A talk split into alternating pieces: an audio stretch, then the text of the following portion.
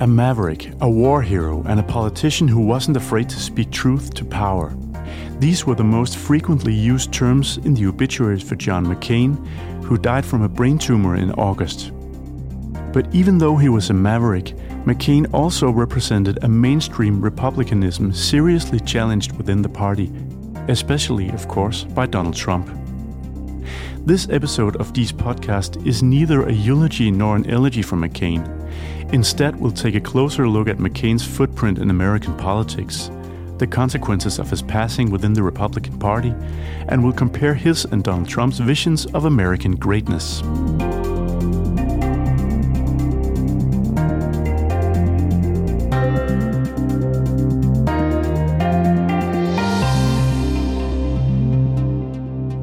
Welcome to Dee's podcast. My name is Troels Jensen, and uh, with me today is uh, Matthew Hines, postdoc on uh, the World of the Right project, which is a three year uh, research project on uh, the ideologies, alliances, and differences of the rising Western right movements. It's a pleasure to have you here, Matthew. Why, thank you. Uh, this is the first in a series of podcasts on uh, World of the Right, in which we'll hopefully uh, cover different aspects of the new Western right, uh, both uh, in the US and here in Europe. Uh, first, I'd like to play a soundbite in which John McCain reads from his last book uh, entitled The Restless Wave. Uh, it's a personal memoir of his uh, political life. Before I leave, I'd like to see our politics begin to return to the purposes and practices that distinguish our history from the history of other nations. Whether we think each other right or wrong in our views on the issues of the day, we owe each other our respect, as so long as our character merits respect and as long as we share for all our differences, for all the rancorous debates that enliven and sometimes demean our politics, a mutual devotion to the ideals our nation was conceived to uphold, that all are created equal and liberty and equal justice are the natural rights of all.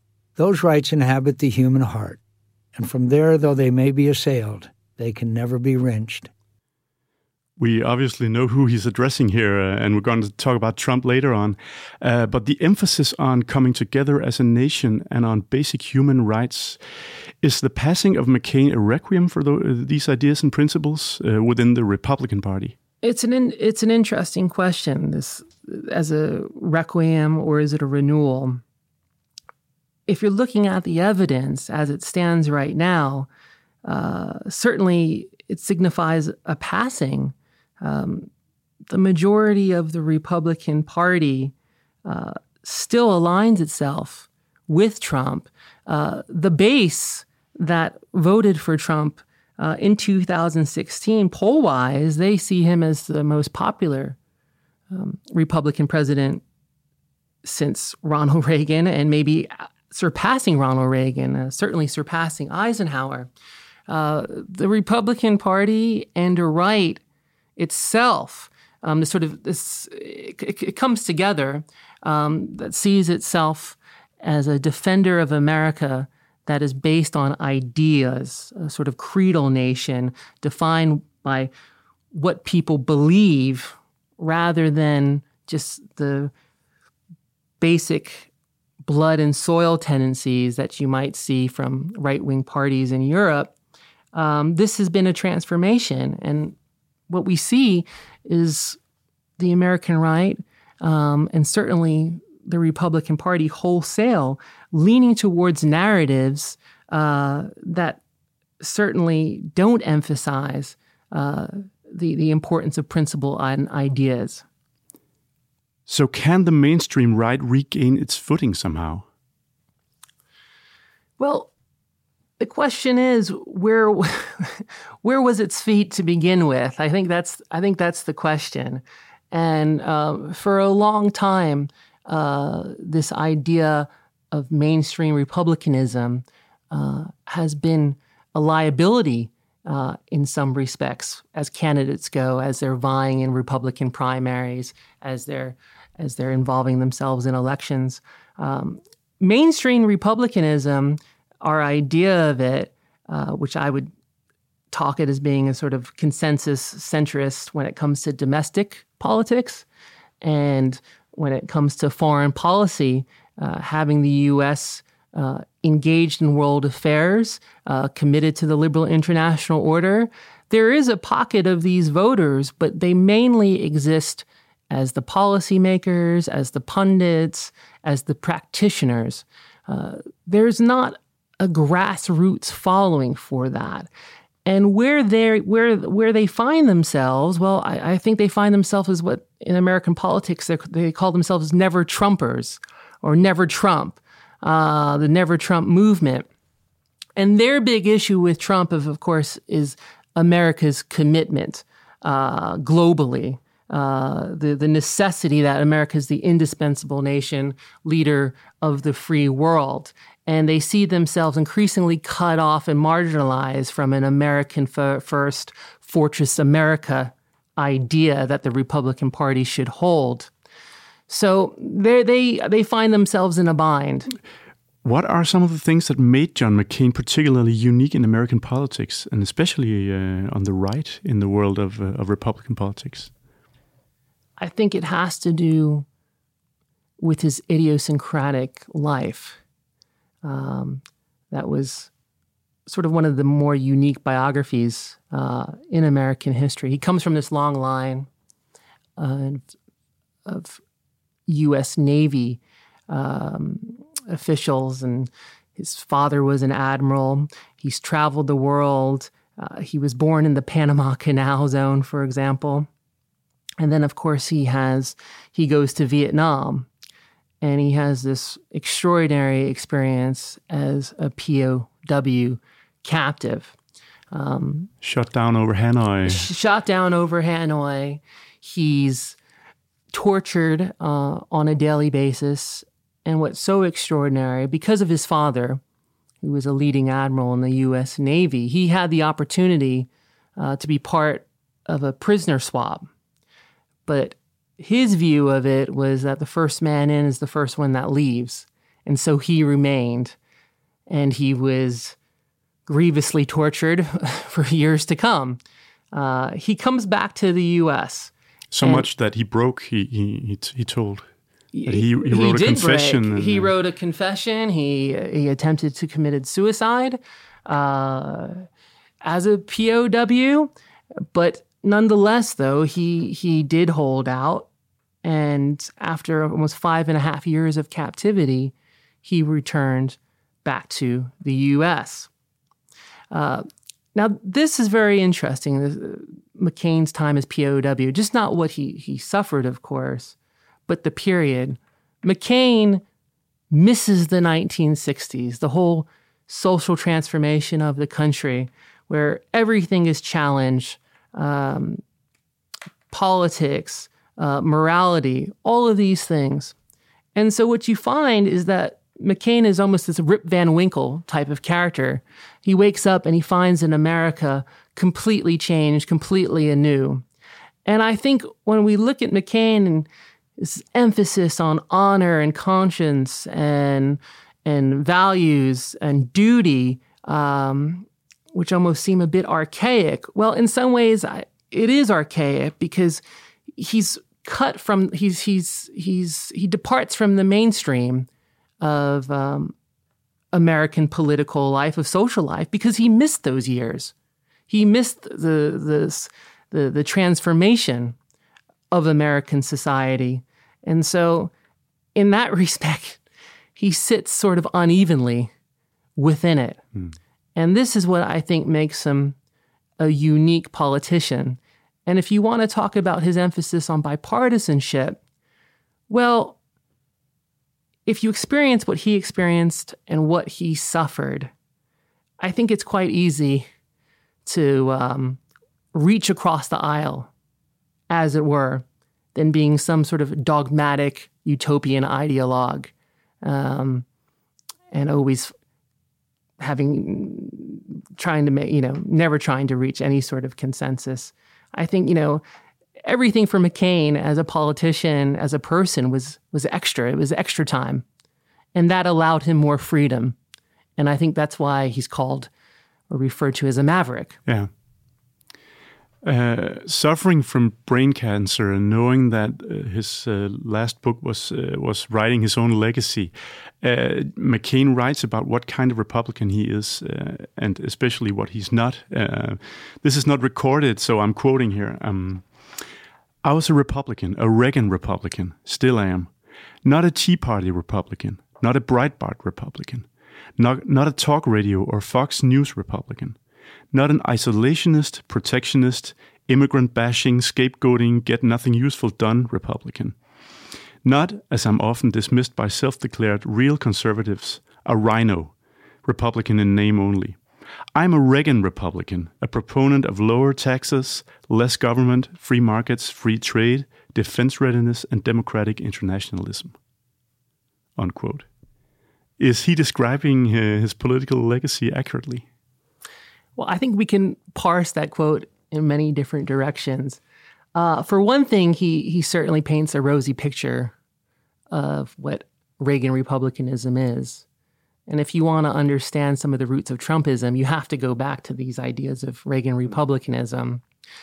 I think, again, he has to say that he is a Reagan Republican because to have any chance of electoral success in American politics on the right within the Republican Party, you have to show your allegiance somehow to Reagan. And I think this is what he does. But if you look at his record uh, on, on the whole, uh, he certainly wasn't captured uh, by the ideology of Reaganism uh, because I think in, in a way that put him in a straitjacket. You know, so for for Reagan, um, you know, one of the the the main components of Reaganism within the Republican Party and within the American right is this emphasis on libertarianism. For McCain, he couldn't turn his head away from injustice. You know, there was a sense the the immorality of indifference, and he wasn't afraid of robust government. Uh, he wasn't particularly interested in uh, cutting taxes, say, for example, uh, he was more interested in fiscal responsibility and balanced budgets. For him, really, government was an important thing. It was actually a sanctified idea because what it showed and exemplified was the nation's commitment to each other. So for him to brand all government as being bad, which is a sort of a staple of Reaganism, uh, which sort of enters hmm. the, the political discourse when Reagan becomes president, uh, he, he never abided to that. As you said, one of the most consistently used words to describe McCain is uh, that he was a maverick. Mm. Uh, but how can a maverick at the same time uh, be uh, a, a, a, uh, yeah a maverick and the standard bearer for consensus established based uh, establishment based? Well, it politics? speaks perfectly of the inner contradictions of American politics and the moral void in some ways within it. Uh, Maverick, you have to emphasize, you have to think of the terminology. Um, when it comes to American politics, to be a successful candidate, you have to somehow, somehow show your rebel credentials. And this might go all the way back to the history of the nation, mm. uh, the way that it it uh, detached itself from empire, from the old world, sprang into something new uh, it always sees itself or the, the, the country's vision a, as the outsider, as something new, as a rebel, um, pushing the establishment. So, in, in that way, it's not a surprise. The Maverick line can fit with a successful Republican campaign or a Democrat campaign. Why is he called a maverick, though? There's another element to this, which which goes back to the sort of the moral void idea, because McCain dispensed with tribalism and, in many respects, put principle uh, over sort of petty politics. Well, in 2018 and recently, I mean, that is a revolutionary act in itself. And so he is a maverick um, that he doesn't conform to sort of the party line. Um, but I think at one time, and maybe the time where his formative years, McCain, I think he was born in 1936, I think. You know, I think it strikes a chord to an older America that valued uh, a lot of those types of principles. And so, in that way, going back to the sort of the Rip Van Winkle illusion, he is a maverick. Yeah. Um, and so, and, and that's one way a maverick can still sit at the same time as being, you know, considered a sort of a pillar of the establishment. Uh, you know, Hillary Clinton even considered herself a rebel. She would, you know, there's she she would she would try to make that. I point. guess she lost because she was not. well, not enough. exactly. You told me about an incident from Arizona, uh, John McCain's home state, um, where he's uh, loathed by uh, by a vital segment of Trump supporters. How come? Well, it was a it was a strange it was a strange thing that happened to me. This was, I guess, August of 2016, and I was in Arizona, and I was driving on the streets of Scottsdale, Arizona. Um, certainly, it's it's a it's a part of Phoenix, um, a nice town, and there was a poster for John McCain, and it was graffiti tagged though, and written over the poster, John McCain. It said "globalist traitor," but it's spelled traitor T R A D E R rather than traitor as being treacherous. Which was even r- worse than a traitor. I think that was even worse. but when I read, I thought globalist traitor. That sounds like a really interesting kind of job. And we had a big laugh about this, and it was kind of sad. It was kind of funny, and it was also telling. And it would be even more telling once November came around. Uh, but I, I think that embodies a lot of some of the contradictions. Of course, McCain was a six-time senator in Arizona, uh, but yeah, it, was, it, it is a bit of a strange business that within his own state um, he was ostracized. Uh, so, for example, um, the senator uh, who also runs in Arizona, Jeff Flake, his seat is opening up. And the two Republican candidates in the primary, uh, they did their best to be as hostile to McCain and his policies as they possibly could. Uh, McCain's sort of big tent brand of conservatism uh, certainly never reflected the tribalism of the state's brand of politics. But I think what aggravated many Republicans within Arizona about John McCain was the fact that Democrats and independents and the media seemingly liked him. And I think it speaks to sort of the anti elitism that's sort of coursing through the right. Uh, it's just the fact that McCain was very much willing to reach across the aisle. Yeah, and, and he pretty much knew in 2008 when he uh, ran for president that he uh, he was maybe reaching uh, too much across the aisle because uh, he chose uh, a well-known vice presidential candidate. Candidate, we're going to hear a clip from uh, from back then. Okay. She's fought oil companies and party bosses and do-nothing bureaucrats and anyone who puts their interests before the interests of the people she swore an oath to serve. She's exactly who I need. She's exactly who this country needs to help me fight.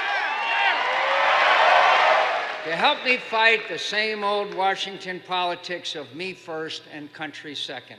My friends and fellow Americans, I am very pleased and very privileged to introduce to you the next Vice President of the United States. Governor Sarah Palin of the great state of Alaska. Yeah, how did Sarah Palin on the ticket in 2008 uh, influence uh, the campaign and McCain's legacy?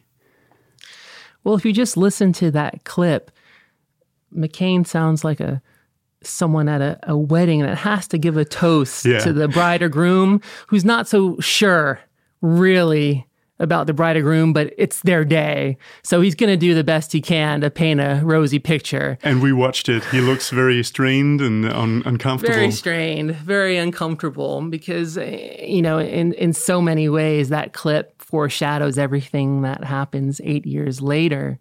Um, Palin enters the scene for the very fact because the Republican Party uh, is changing and McCain again is increasingly on the outside. His base tends to be independents, moderate Republicans, and those centrist Democrats. Um, that's not going to necessarily win you the election. He had to somehow mobilize Republican voters. And so here comes Sarah Palin, who fits sort of many, her vision of the country, her politics, I think is certainly in line with the way that the Republican Party is moving. But again, I think the Palin dynamic goes back to the whole maverick idea. And it goes back to sort of rebel credentials. In the 2008 election, you have Barack Obama, who has the mantle, in a sense, of sort of shaking the establishment. What can McCain do? How can he somehow outflank Obama? Well, he can select Sarah Palin and put Obama on the defensive and make him seem part of the establishment. Unfortunately, it doesn't work that way because with Palin's ascendance and the decision to select her, Obama looks more presidential. And I think the people that were once on the fence about Obama say, oh, wait a minute, he can become president. And for McCain, who had this chance to be sort of the elder warrior statesman, especially if you think 2007, 2008, at this time of economic uncertainty, when the country is certainly um, at a sort of a, a, a fevered place, um, he makes this sort of rash decision and selects Palin. You said that that Palin reflected an already ongoing development. But but to what degree did the choice of Sarah Palin as VP candidate set off the, the Trump phenomenon? Well, in different ways. Uh, to, to start off with, from the sort of the political operative mind side, if you're looking for candidates, uh, I think it put into focus that a lack of ex- experience could, in fact, be an asset that expertise might be a liability, that anti establishment, that populism was undergirding a lot of Republican parties, its political base, its energy. So I, I think on that level, uh, Palin um, is a signal to something. And of course, on the on the campaign trail, Palin had this joke, and she told it ad nauseum What's the difference between a bulldog and a hockey mom? One wears lipstick. And it always got mm. this big, massive laugh. But I think what it did was it signaled that the Republican right and the right at this stage was turning to a position where might makes right, where muscularity defines masculinity. And I think in a lot of ways, this sort of disruption and destruction was celebrated. And just as a add on here, it's important to remember that after the 2008 election, when the Tea Party movement is taking off in 2011, 2012, you have Steve Bannon entering the picture. And before he was plying his trade with Trump, he was building bridges with Sarah Palin. And he was looking at Sarah Palin as sort of opening the way of this sort of this nationalist populist takeover of the Republican Party. Uh, he thought that she would be the vanguard to this movement, but in the end, it ended up being Trump. So, so yeah, I mean, McCain did open up a Pandora's box. I would have to say. But before Trump, and even before the Tea Party movement, did McCain have any hint that, that the party was taking a, a turn? Well, I think he did, in fact. Um, he, he, experienced this sea change in the Republican Party. Um, Trump and Palin themselves, in, in, many respects, they're a product of the Republican Party uh, that has been flirting with many of the ideas that they had been peddling for a long time. And McCain experienced this firsthand when he ran for president the first time in 2000 against George W. Bush. Um, just to give you a little bit background, he wins the New Hampshire primary. It seems like he might get the nomination. Um, the next primary is in South Carolina. And this is where it all goes off the rails for McCain. Uh, what happens? Well, what you see is George Bush taking a very sort of hard right position. He gives a speech, for example, at Bob Jones University a controversial evangelical school that up to that point had a ban on interracial dating. McCain denounces this. A smear campaign against McCain commences. Pamphlets are th- made throughout the state. Um, an auto phone recording is made um, asking Republican voters did they know that McCain had sired a black child out of wedlock? What they were referring to, I think, was the fact that McCain has an adopted daughter from Bangladesh. Now, the Bush campaign themselves, um, they said that they had nothing to do with it, but at the same time, they also didn't condemn it, which is interesting. And then finally, during that campaign season in South Carolina, right before the vote, um, McCain got caught up in the Confederate flag issue. Within the South Carolinian flag, there's a Confederate flag.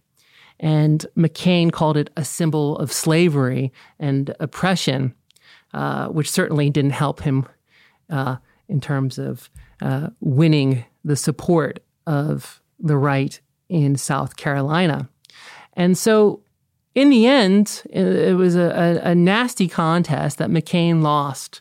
And from that point on, um, George W. Bush would win the nomination. But I think it's this fork in the road moment um, for the right in America, for the Republican Party itself. And I think it cast a great shadow. And a lot of the things that you saw in 2000 were coming closer and closer to the surface. And so uh, by 2008, interestingly enough, when McCain runs for president, um, in some ways he's less of the maverick because he he remembers what happens in South Carolina. And uh, in comes Trump, and the public uh, argument between McCain and Donald Trump was fierce. Um, and in, the primaries, uh, Trump said this John McCain, who has been, you know, in my opinion, not so hot, and I supported him. I supported him for president. I raised a million dollars for him. It's a lot of money. I supported him. He lost. He let us down. But, you know, he lost. So I never liked him as much after that because I don't like losers. But, but Frank, Frank, let me get hero. to it. He's he hit me. Hero. He's not a war hero. He's a war hero. He's a war Five hero. Five and a half years. He's a war hero because he was captured.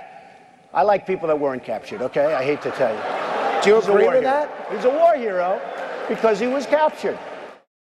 Why was it important for Trump to frame McCain as the weak, the one who was captured? Is it just bashing, or is it really Trump's view on uh, the meaning of greatness?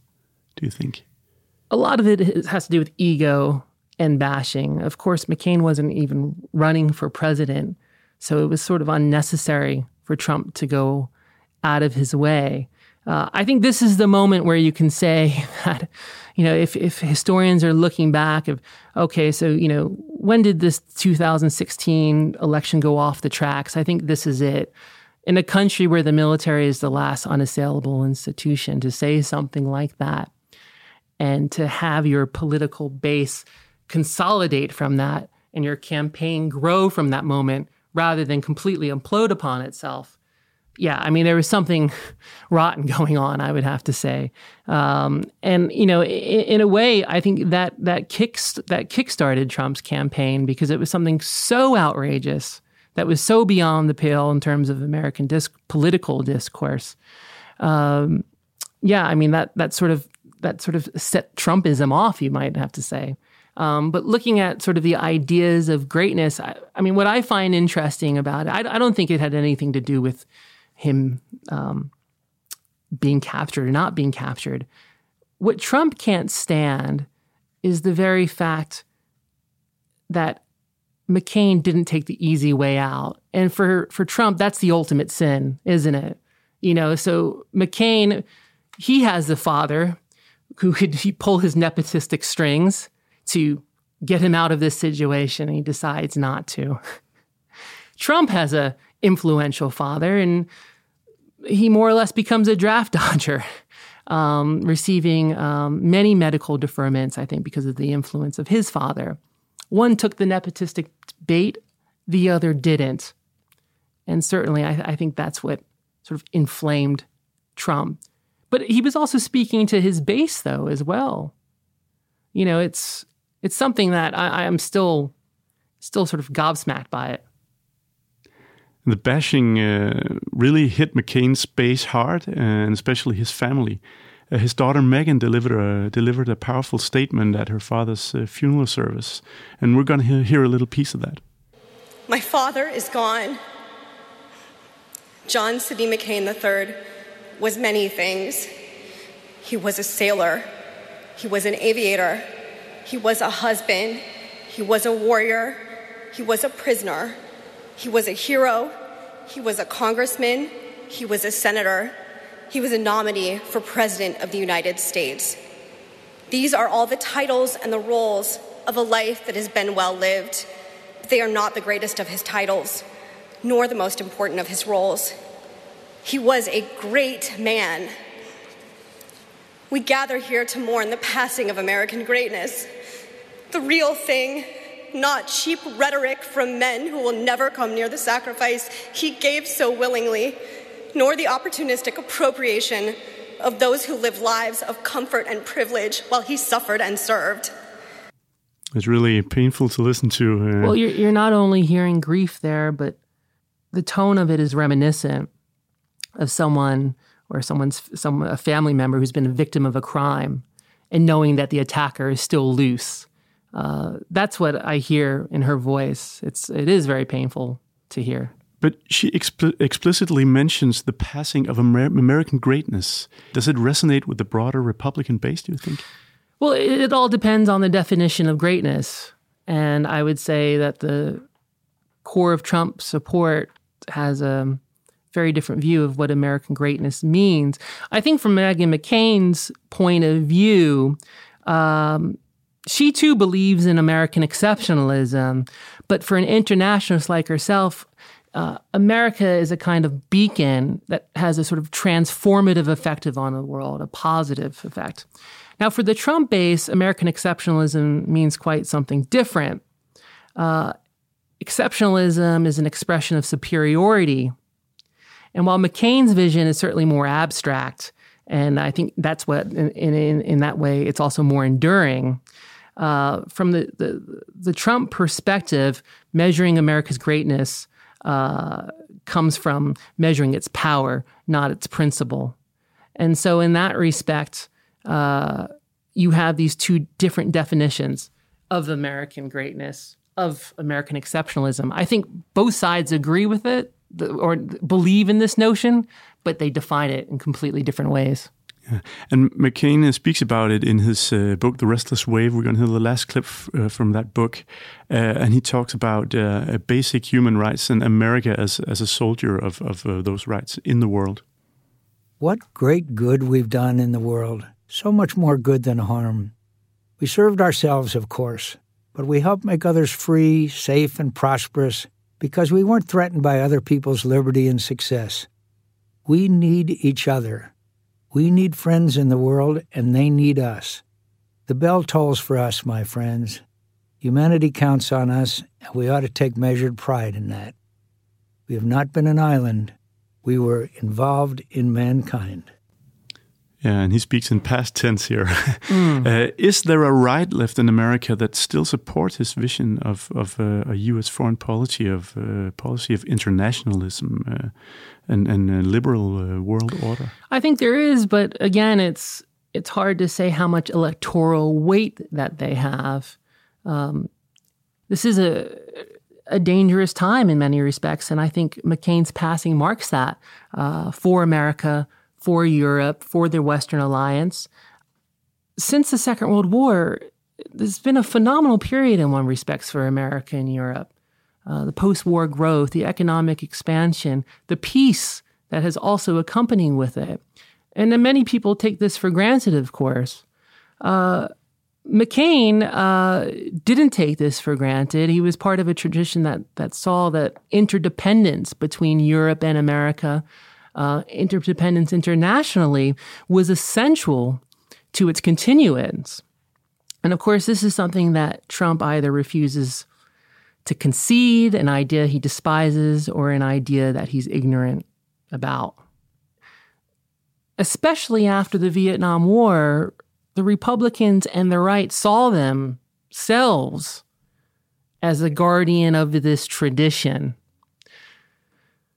But going back, say, to 9 11, to the Iraq War, to the financial crisis, uh, that sort of confidence that America could play a role in the international order and take a leadership role while at the same time benefiting American interests, um, that idea began to waver on the right. Um, and I, I think it, it's something now that more Democrats would believe in. It's, it's a position that sits more in the center, where once upon a time, um, you found that as one of the, the, the key components of at least how the right itself identified itself, that it was the guarantor of America leading the free world in a ways that maybe you know you couldn't you couldn't you couldn't pass the keys over to the Democrats because it was too big of a responsibility. But of course, now as we see that, well, maybe a lot of those feelings and those beliefs were hollow to begin with.